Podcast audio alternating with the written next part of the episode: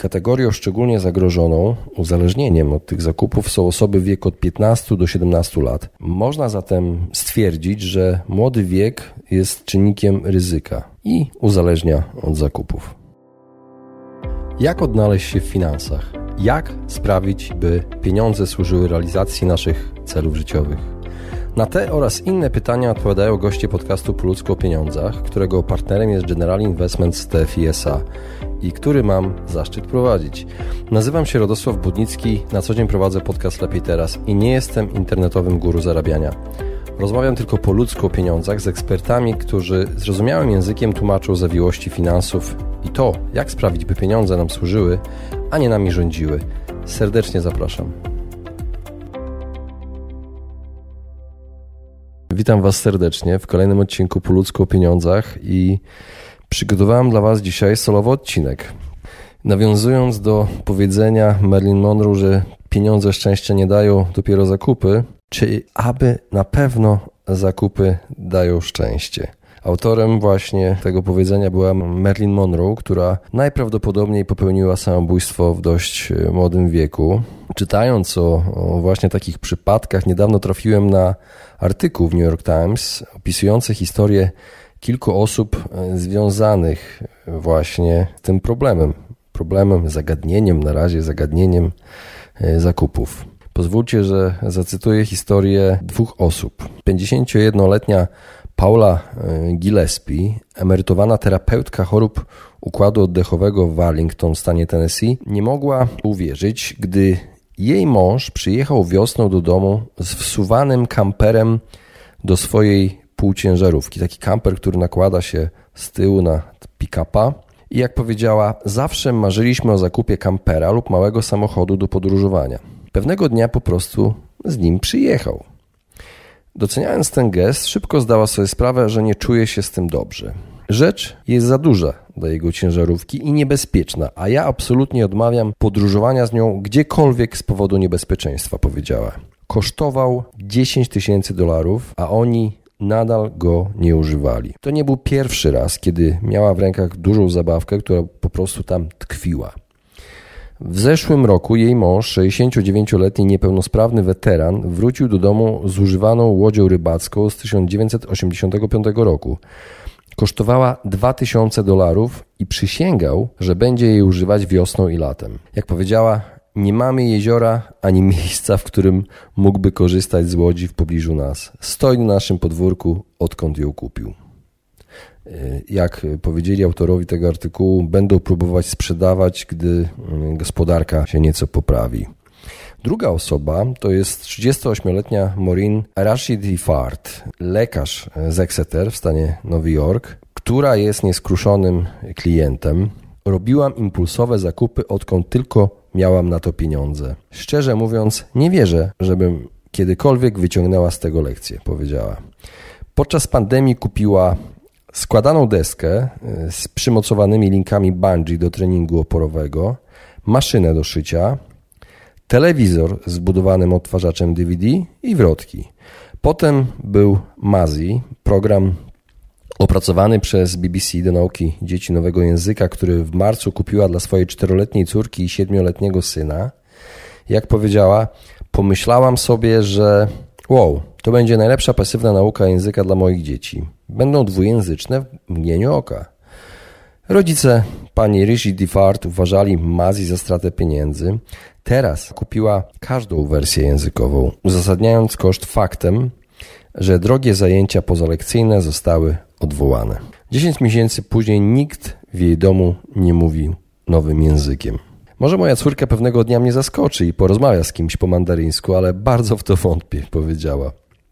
Moi drodzy, witryny sklepowe kuszą, kuszą nas coraz większymi promocjami, wyprzedażami. Stąd właśnie takie, takie nieudane zakupy e, nowych, jak i też używanych rzeczy, jak się okazuje, wymienionych w tym artykule New York Times. W trakcie takiego ataku z witryn sklepowych lub ze stron internetowych sklepów jesteśmy bezbronni.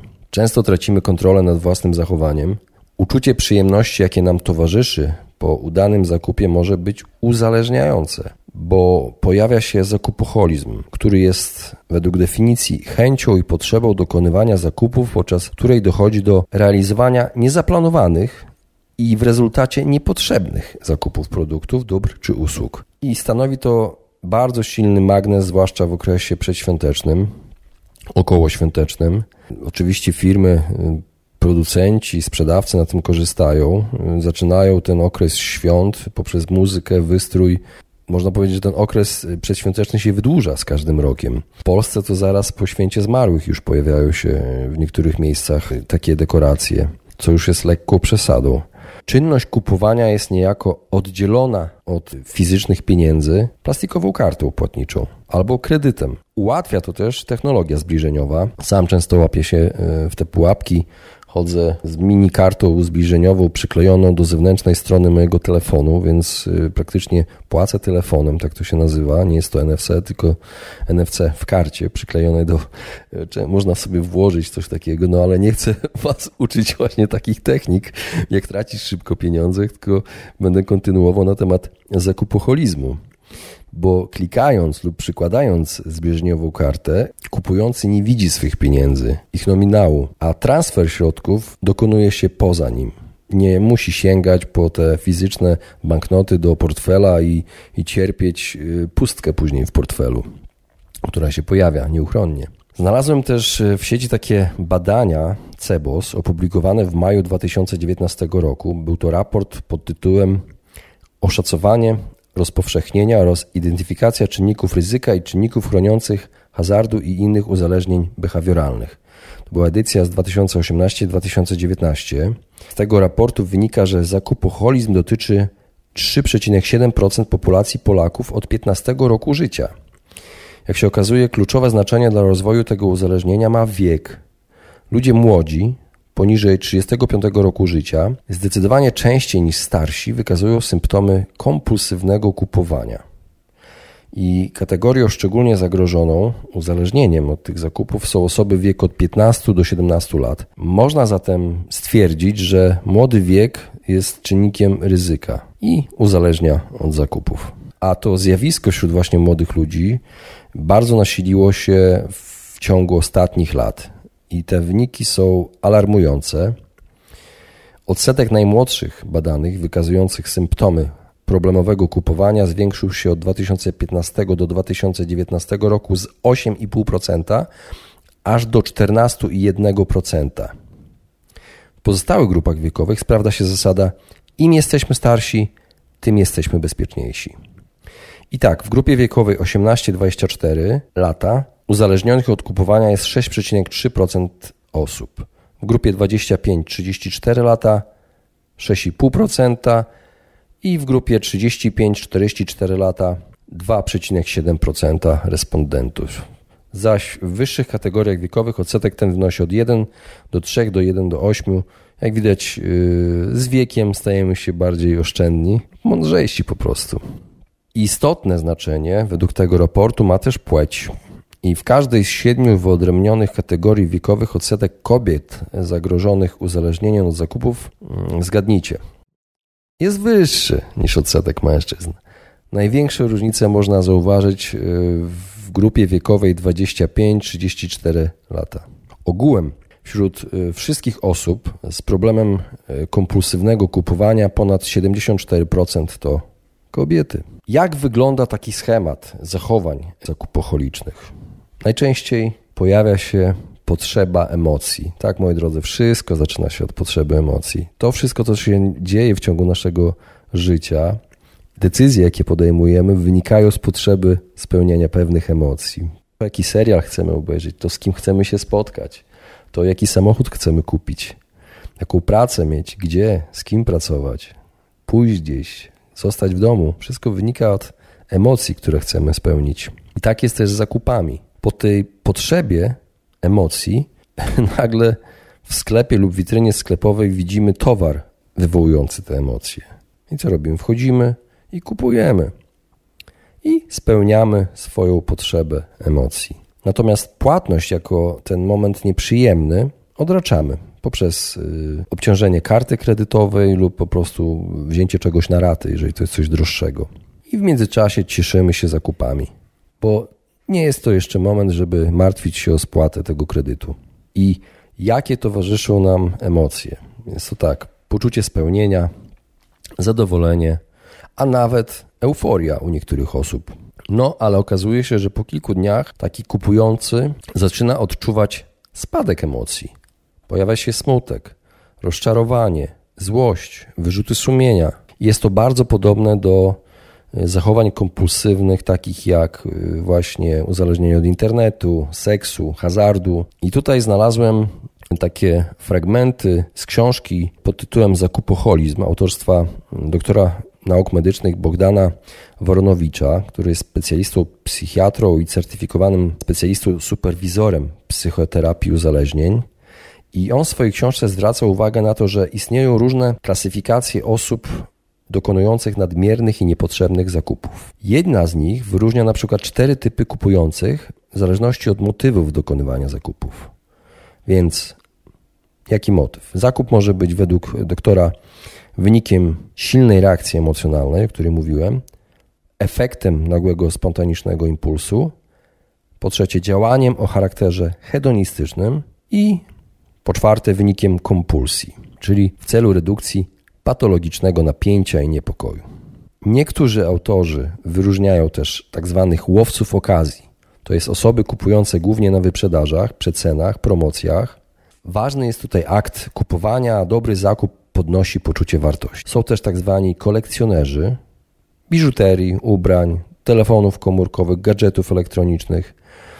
Są też zbieracze nowości, modne, nowe przedmioty, ubrania i są też osoby y, zajmujące się oglądaniem dóbr, y, czyli uprawiające tak zwany window shopping. I można tutaj właśnie wyróżnić cztery fazy zakupoholizmu: myśli, przewidywania, przygotowania, druga faza, kiedy, gdzie zrobić te zakupy, trzecia zakupy, pojawia się ekscytacja. I czwarta wydatki, wyrzuty sumienia. I o tym, że e, dokonywanie zakupów ma charakter kompulsywny, mogą między innymi świadczyć zachowania wymienione właśnie przez doktora w swojej książce. I tutaj wymienię te zachowania. Dokonywanie zakupów jest sposobem na poprawienie samopoczucia, radzenie sobie z samotnością poprzez odsunięcie lęku, po prostu robimy zakupy, żeby zapomnieć o życiu tu i teraz, o naszych codziennych problemach. Spędzanie znacznej ilości czasu na zakupach w centrach handlowych lub na aukcjach internetowych. Częste, obsesyjne często myśli o planowanych kolejnych zakupach. Kolejne zachowanie to wydawanie pieniędzy na zakupy zamiast na opłacanie rachunków. Potem jest też pożyczanie pieniędzy na kolejne zakupy. Takie osoby też odczuwają podniecenie w związku z samym planowaniem zakupów i odczuwają euforię podczas samych zakupów, podczas wydawania pieniędzy. Często kupują niepotrzebne przedmioty, często je chowają i nie rozpakowując. Kłamią na temat tego, e, co kupili lub ile wydali pieniędzy na zakupy. Często to w filmach widać, ile kosztowało to futro, a nic. Albo ten zegarek, albo ten samochód. Ukrywają swoje zakupy w obawie przed krytyką. Kłócą się z bliskimi o te zakupy o rozrzutność. Często posiadają też tajne konta y, bankowe, karty kredytowe nierejestrowane. Wielu y, zakupocholików nigdy nie używa tych zakupionych przedmiotów, nawet ich nie rozpakowuje. Często prowadzi to do rozwodów, do samotności, do bankructwa. I często pojawia się tak zwany buyer's remorse, czyli wyrzuty sumienia kupującego, a więc poczucie winy, wstyd po dokonaniu takich zakupów. Czym jest buyer's remorse, czyli te wyrzuty sumienia kupującego? Według Wikipedii, tutaj jest taka definicja, jest to poczucie żalu po dokonaniu zakupu. Często wiąże się to z zakupem drugiego przedmiotu, takiego jak pojazd lub nieruchomość. Uważa się, że wyrzuty sumienia kupującego wynikają z dysonansu poznawczego, w szczególności dysonansu po decyzji, który pojawia się, gdy osoba musi podjąć trudną decyzję, taką jak mocno zainwestowany zakup między dwiema podobnie atrakcyjnymi alternatywami. Czynniki wpływające na wyrzuty sumienia kupującego mogą obejmować zainwestowane środki, zaangażowanie kupującego, e, na przykład czy zakup jest zgodny z celami kupującego, odczucia po zakupie, takie jak żal na przykład. Wyrzuty sumienia mogą być spowodowane różnymi czynnikami, takimi jak to, że osoba kupiła produkt teraz, nie czekając więcej, nie zastanawiając się. Na przykład nieruchomość została zakupiona za pożyczone pieniądze, które trzeba zwrócić. Zakupiony przedmiot był czymś, co nie było do przyjęcia dla innych, lub zakupiony przedmiot był czymś, co kupujący później kwestionuje jako wartościową rzecz i rzecz potrzebną. I na etapie poprzedzającym zakup potencjalny nabywca często odczuwa pozytywne emocje związane z zakupem, właśnie pragnienie, poczucie zwiększonych możliwości, oczekiwanie radości, która będzie towarzyszyła temu, kiedy już będzie miał ten produkt w ręku. Potem, dokonując zakupu, są w stanie w pełni doświadczyć negatywnych aspektów, wszystkich kosztów z tym związanych. Często właśnie mają też wyrzuty sumienia spowodowane tym, że inne osoby kwestionują ten zakup, bo na przykład znają lepsze i tańsze alternatywy i zaskakują je tym i te osoby żałują, że wydały pieniądze tak pochopnie, tak szybko, tak impulsowo. Ale jak tutaj autorzy tego artykułu zaznaczyli, warto wymienić to, że wyrzuty sumienia związane z jakąś ekstremalną aktywnością zakupową mogą być znowu oznaką głębokiego niepokoju. Jednak normalnych wyrzutów sumienia nie należy mylić ze złożoną dynamiką emocjonalną zachowań zakupoholików. Podobnie jak obiadania się przy specjalnych okazjach nie należy mylić z poważnymi zaburzeniami odżywiania, takimi jak bulimia. Moi drodzy, zbliżając się do końca opisania tego problemu zakupoholizmu i wynikających z tego następstw, po latach prowadzenia wywiadów i na podstawie własnych doświadczeń, na podstawie tej filozofii minimalizmu, z którą staram się żyć, stworzyłem listę metod uniknięcia pułapek zakupowych. Jak nie wpaść właśnie w ten zakupoholizm. I tutaj pierwszym krokiem warto jest, by uświadomić sobie, że mamy ten problem zakupoholizmu.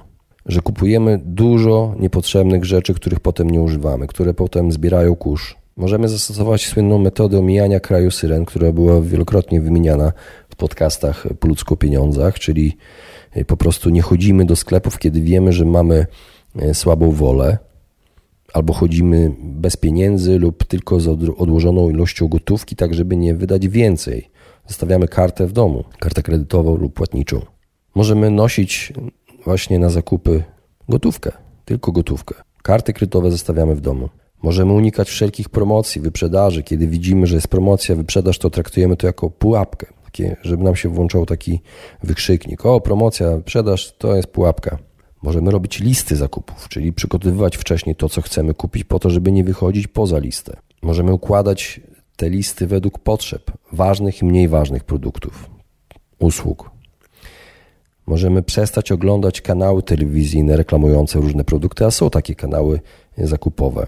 Możemy też zabierać osoby y, na zakupy inne, które będą nas pilnowały, krytykowały, odciągały. No i na musimy nauczyć się spędzać wolny czas poza centrami handlowymi, nie robiąc zakupów, tylko na przykład na łonie natury lub z bliskimi. No ale czasami jednak w skrajnych przypadkach, kiedy nie udaje nam się coś takiego, to co wymieniłem, potrzebna jest pomoc specjalisty terapii uzależnień bądź psychologa. I tutaj y, czytałem właśnie, że najskuteczniejszym podejściem jest terapia poznawczo-behawioralna, zarówno indywidualna, jak i grupowa. Także, moi drodzy, to już jest opcja taka zaawansowana dla osób, które nie mogą naprawdę sobie dać rady z tym, a dla wszystkich innych y, polecam słuchanie po ludzku o pieniądzach.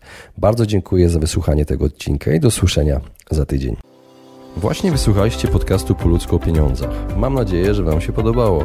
Jeśli tak, poświęćcie swój czas, proszę pozostawić swoją recenzję na Apple Podcast. Jeżeli macie pytania lub propozycje dotyczące kolejnych audycji, piszcie do mnie na fanpage'u Po ludzku o pieniądzach i do usłyszenia następnym razem. Pozdrawiam serdecznie.